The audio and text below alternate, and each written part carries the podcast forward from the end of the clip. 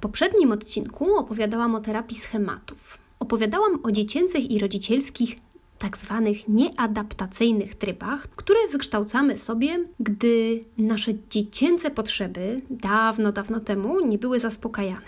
I te potrzeby to na przykład potrzeba bliskości, autonomii, wyrażania potrzeb, nomen omen i uczuć. I gdy nam tego zabrakło, to wytworzyliśmy sobie takie postawy, które niesiemy do dziś i w które y, wchodzimy właśnie jak w, jak w utarty taki schemat. I to jest postawa wrażliwego dziecka, które jest smutne, czuje się odrzucone i boi się świata.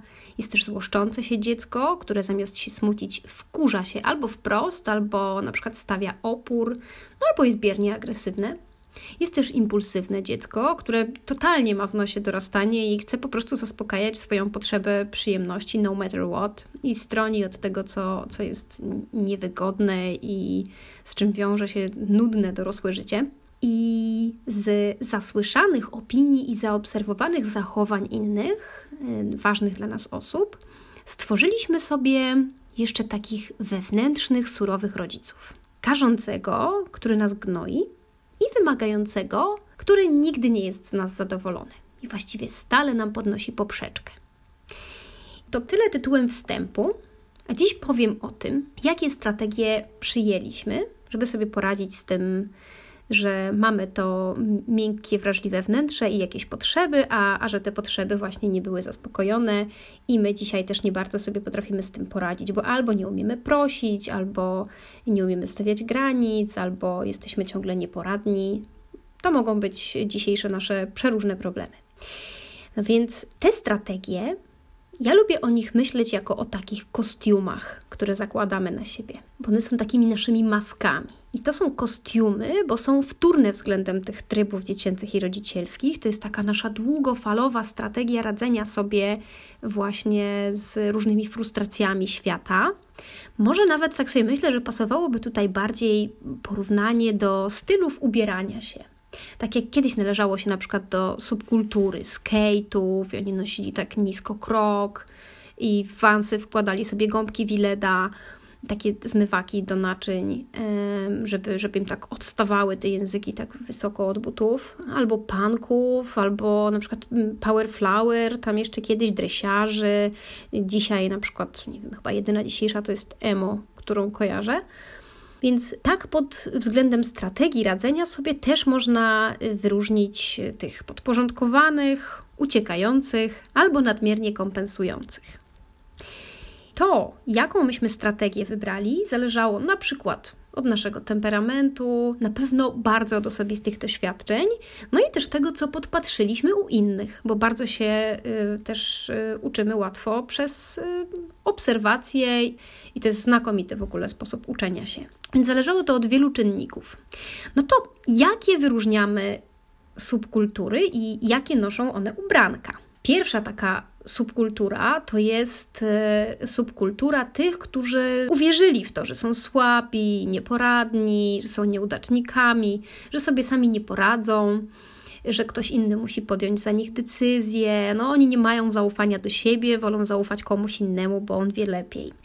Te osoby zakładają kostium uległego poddanego. W ten kostium y, zakładamy wtedy, gdy boimy się, że inni nas nie zaakceptują takimi, jak, jakimi my jesteśmy. No jeżeli sobie teraz wyobrazimy, że taka osoba bardzo chce jakby schronić się pod czyimiś skrzydłami i żeby ten ktoś się nią zaopiekował i, i żeby właśnie jej nie odrzucił, żeby się nie narazić na odrzucenie, to ta osoba musi sobie na przykład amputować negatywne emocje i różne osobiste potrzeby, no bo właściwie ten, nazwijmy go tu, żywiciel staje się, staje się najważniejszy, no i to on ma decydujący głos, on podejmuje wszystkie decyzje i to on ci będzie mówił, jaki ty jesteś. Drugą subkulturą to jest subkultura tych unikających. I ta garderoba jest lepiej wyposażona. Ona ma więcej kostiumów, bo tacy ludzie próbują całkiem skutecznie unikać konfrontacji ze swoimi różnymi problemami, uczuciami, lękami, jakimiś konfliktami też wewnętrznymi, poprzez y, unikanie tego problemu na różne sposoby. I na przykład mamy tutaj taki kostium odłączonego samoukoiciela. Jak sama nazwa wskazuje, odłączony, no to odłącza się od tych swoich emocji, lęków, a samoukoiciel, no bo znajduje sobie różne urocze sposoby, żeby się ukoić. Więc na przykład tym sposobem jest alkohol, albo praca, albo gierki, albo porno, przejadanie się, albo na przykład TV. Bardzo różne strategie można tutaj wybrać. Chodzi głównie o to, żeby po prostu zająć czymś głowę i w ogóle nie myśleć o problemach. To jest dosyć skuteczna, tylko y, również problematyczna y, strategia właśnie popadania w nałogi. Można też y, założyć strój Androida, który jest takim komputerem w ludzkim ciele. I on nie ma emocji, w ogóle potrzeb, nie potrzebuje innych ludzi. On się nazywa odłączonym obrońcą. I może mi się nawet uda coś tutaj zacytować. On wyłącza wszelkie emocje, zrywa więzi z ludźmi i odrzuca ich pomoc. I funkcjonuje automatycznie, niemal jak robot. Jest jeszcze jedna strategia, i to jest taki rozzłoszczony obrońca to on buduje mur ze złości, aby obronić się przed innymi ludźmi, których postrzega jako zagrożenie i aby trzymać ich na dystans poprzez okazywanie rozdrażnienia czy złości. Czyli buduje sobie taką tarczę właśnie złości, która chyba tak naprawdę ma po prostu trzymać innych ludzi na odległość. Po prostu od razu pokazuje: Jestem jadowity, nie podchodź. Najbardziej irytujący dla otoczenia, najbardziej irytująca subkultura dla otoczenia, to jest nadmierny kompensator. To jest taki człowiek, który nie akceptuje zupełnie tych swoich słabości, który nie godzi się na to, wewnątrz się czuje właśnie, ma to wrażliwe dziecko, więc czuje się taki właśnie słaby, beznadziejny, mm, zna te swoje ograniczenia jest mu z tymi rzeczami bardzo źle, ale kompletnie nie ma ochoty tego pokazywać na zewnątrz. I on stara się żyć tak, żeby jego zachowanie było totalnym zaprzeczeniem i wręcz 180 y, stopni y, odwrócone jest względem tego, y, co tam się dzieje wewnątrz. I dla poranionej istotki, która się tam wewnątrz kryje, to jest bardzo skuteczny obrońca, ale również silny izolator. No bo to wewnętrzne dziecko, które ten nadmierny kompensator chroni, no jest bardzo samotny. On odstrasza wszystkich naokoło. I tutaj, w tej szafie, wdzianka są znacznie bardziej zdobne. One są w cekiny, piórka, wściekłe kolorki. I pierwszym z takich jest wdzianko samouwielbiacza. No i ten nie czeka, żeby ktoś go pochwalił. On pochwali się sam. I sam pompuje swoje nadwątlone ja, dąży do rywalizacji i władzy, zachowuje się pretensjonalnie, umniejsza innych, on tak musi upchnąć innych tak nisko, żeby, żeby móc się tak ponad nich wybić, tak jakby w tłumie chciał tak się oprzeć na kimś i wykorzystuje innych. Jest całkowicie pochłonięty sobą i ma takie poczucie wyższości i uważa, że jego nie obowiązują takie same zasady jak innych. No oczywiście wewnątrz, y, jak już wspomniałam, kryje się ciągle to, y, to zakompleksione na przykład w jakiś sposób, czy, czy zranione dziecko, a na zewnątrz jest taka fasada takiego superhero. Równie strojny jest poszukiwacz uwagi.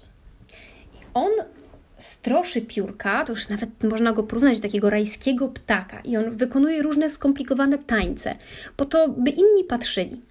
I zachowuje się w taki przerysowany sposób, taki teatralny, staje na rękach i krzyczy: Patrzcie, patrzcie, jak ja umiem! Ja, ja, na mnie patrzcie! No i kompensuje sobie w ten sposób poczucie samotności i takiego no, braku uznania. No i tylko wkurza tym ludzi naokoło i oczywiście jeszcze bardziej prosi się o odrzucenie. Ludzie nie lubią, jak ktoś zajmuje tak strasznie dużo miejsca no chyba że jest jakimś komikiem albo nie wiem kim. Poszukiwacz uwagi od samouwielbiacza różni się tym, że ten samouwielbiacz to ma taką ogromną potrzebę właśnie górowania nad innymi, a poszuka, poszukiwacz uwagi to on po prostu chce, żeby inni na niego patrzyli. Zdecydowanie mniej krzykliwe ale za to idealnie skrojone wdzianko ma nadmierny kontroler. To jest też taki nadmierny kompensator. On się stara przemyśleć dokładnie wszystkie zagrożenia i zapobiec im po prostu u samego u samej pierwszej kropli tego źródła. I jeszcze zanim skorupka problemu w ogóle y, pierwszą będzie miała rysę i zanim jeszcze pęknie, by wydać z siebie pęd. I to jest taki życiowy szachista, który przewiduje kilka kroków naprzód, po to, żeby się chronić przed krytyką albo niepowodzeniem. Jest jego też odmiana paranoidalna, która wszystko i wszystkich kontroluje i już po prostu zarzuca im złe intencje, y, żeby właśnie przypadkiem oni tych y, jakby złych zachowań, y, tego ataku czy jakiegoś krytyki z siebie nie wyrzucili. No i są jeszcze już takie kubraczki sugerujące że masz naprawdę do czynienia z niebezpieczną, jadowitą bestią. I to jest tryb zastraszania i ataku, i on prycha i pluje jadem jawnie. Oczywiście musi to zrobić i musi być taki strasznie groźny, no bo wewnątrz jest y, za tym zahukanym i, i, i słabym dzieckiem, i tym bardziej musi się nastroszyć, tak jak taki kot musi wypchnąć ten grzbiet wysoko, żeby, żeby właśnie inni się go bali przy czym to jest jeszcze w przeciwieństwie do tego wcześniejszego, który tylko stawiał barierę, to ten jeszcze ma te pazury i nie zawaha się ich użyć i, i rzeczywiście używa. Jest jeszcze drapieżnik, który na zimno i z wyrachowaniem eliminuje y, wszelakie przeszkody i zagrożenia. I taki chyba najbardziej niebezpieczny, bo nie działa jawnie, oszust i manipulator. On działa tak pod, pod przykrywką takiej miłej osóbki i właśnie oszukuje, y, kłamie, manipuluje po to, żeby te swoje dzisiejsze potrzeby zaspokoić. I to może być y, zdecydowanie z y, ogromną stratą dla innych ludzi, więc on po prostu po takich potrupach do celu. Te kompensujące tryby również mają w sobie wrażliwe dziecko i one też doświadczają tych emocji, natomiast właśnie zrobią wszystko, żeby nikt ich o to nie posądził. I oni sami nie chcą mieć w ogóle świadomości, że to dziecko wewnątrz mają, a jak już się dowiedzą, to oni by najchętniej w najczarniejszej, najmroczniejszej piwniczce na siedem spustów zamknęli tego cholernego bachora. I o ile ten samouwielbiacz czy poszukiwacz uwagi albo nadmierny kontroler, to, to mogą być właściwie bardziej uciążliwi dla innych, y, tylko po prostu, bo, bo wkurzają, no to te typy właśnie już jadowite, ten zastraszający i atakujący, oszust i manipulator i drapieżnik to są naprawdę niebezpieczne. Nawet myślę, że możecie śmiało dopatrzyć się w nich, jeżeli interesowaliście się kiedyś zaburzeniami osobowości, to, to z pewnością się tutaj dopatrzycie jakichś swoich typów y, właśnie zaburzeń. No i teraz pojawia się takie pytanie: kurde, to ja to mam? To ja noszę w sobie takich psycholi? Um, najprawdopodobniej nie, to znaczy część z tych trybów y, w którymś odnajdziesz siebie na pewno. Myślę, że każdy z nas stosuje czasami takie strategie. Może nawet mamy wrażenie, że praktycznie z każdego, z każdej z tych subkultur mamy jakieś takie, taki żakiecik albo takie dzwony, czy nie wiem, dres z paskami w szafie. Natomiast mamy ograniczony też repertuar tych rzeczy i bardziej albo uciekamy na przykład y, właśnie w tą zależność, bo mamy to poczucie, że my po prostu jesteśmy beznadziejni i się temu poddajemy, albo właśnie po prostu w ogóle nie chcemy o tym myśleć, czyli unikamy tego problemu i odciągamy uwagę od tego problemu, albo właśnie nadmiernie kompensujemy, czyli nie tylko się nie przyznajemy, ale będziemy się zachowywali wręcz przeciwnie. W poprzednim odcinku zrobiłam taką metaforę, metaforę do domu, że to jest taki nasz wewnętrzny dom, w którym mieszka taka rodzinka i, i, i właśnie y, każdy z nas ma taką mieszankę tych osób, no to można powiedzieć, kurde, to jest żaden dom, tylko jakiś psychiatryk z oddziałem dla najbardziej hardkorowych przypadków. No i tak, zdarzają się takie hardkorowe przypadki, zdarzają się osoby, które noszą w sobie taki psychiatryk. Tym jest bardzo trudno pomóc. Zwłaszcza, że te osoby nawet y, nie zgłaszają się po pomoc, bo taki, dajmy na to, oszust i manipulator, to dlaczego on miałby się chcieć pozbywać swojej strategii? Przecież ona szkodzi innym, y, a jemu się wydaje przede wszystkim, że, że jemu to bardzo służy, bo on dostaje to, czego chce.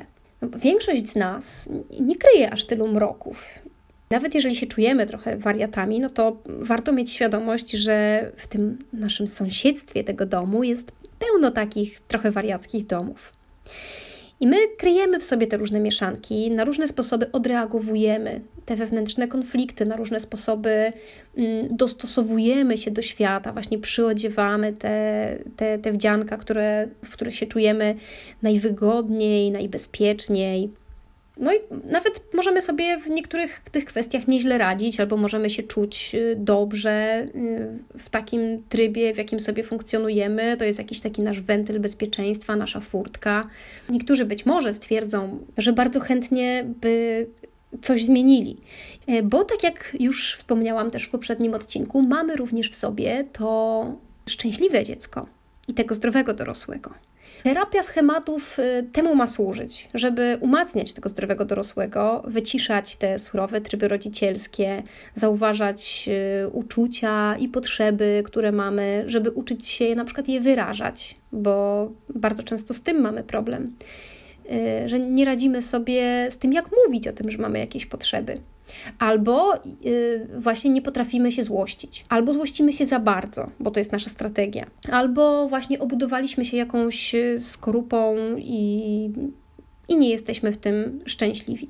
I ta terapia pokazuje nam mocne strony tych trybów, z powodu których w ogóle je stosujemy, czyli dlaczego w ogóle wybraliśmy sobie tę subkulturę i, i po co nam te kurteczki, no ale i złe strony, które zarówno nam, jak i innym szkodzą. Sama już świadomość, jakie wybieramy tryby radzenia sobie, z czego to może wynikać, że my takie tryby sobie wybieramy, to jest bardzo ciekawa, bo już można się przyjrzeć temu, czy to, jak ja się zachowuję, ja taki jestem i taki chcę już zostać, czy może jest y, w tym murze naszej osobowości, są może takie cegiełki, które tam nie chcielibyśmy, żeby ten mur tworzyły. I między innymi właśnie w terapii schematów jest, są takie e, techniki oparte na zmianie tych przekonań, jak i zmianie tych zachowań. I jest to na przykład technika pracy z krzesłami, gdzie stawiamy krzesła, sadzamy na nich swoje poszczególne tryby i one ze sobą dyskutują i wprowadzamy tam również, y, sprawdzamy jak na przykład czuje się wrażliwe dziecko, kiedy karzący rodzic je ciśnie i gnoi, albo jak wymagający rodzic zbyt wiele chce i możemy się temu przyjrzeć poniekąd trochę z zewnątrz i możemy też nauczyć się wprowadzać tego zdrowego dorosłego i uczyć się po prostu nowych, lepszych zachowań. Warto wiedzieć, że y, takie kiszenie w sobie negatywnych emocji i, nieprzyznawanie się do gniewu, czy w ogóle tłumienie tego gniewu prowadzi do jakichś absolutnie hardkorowych chorób y, psychosomatycznych nikt świadomie by się na to nie zgodził i nie wybrałby takiej strategii radzenia sobie. Więc e, naprawdę warto się temu przyjrzeć, e, bardziej zrozumieć siebie i trochę, trochę bardziej e, umieć cieszyć się życiem. Opowiadałam dzisiaj o nieadaptacyjnych trybach radzenia sobie, czyli o takich subkulturach i ubrankach, w które wskakujemy, żeby radzić sobie Y, z otaczającą nas rzeczywistością, z wymaganiami naszymi wewnętrznymi, wymaganiami świata zewnętrznego. Ja Wam bardzo dziękuję. Na dziś zapraszam również na blog mojekoniki.pl i do usłyszenia.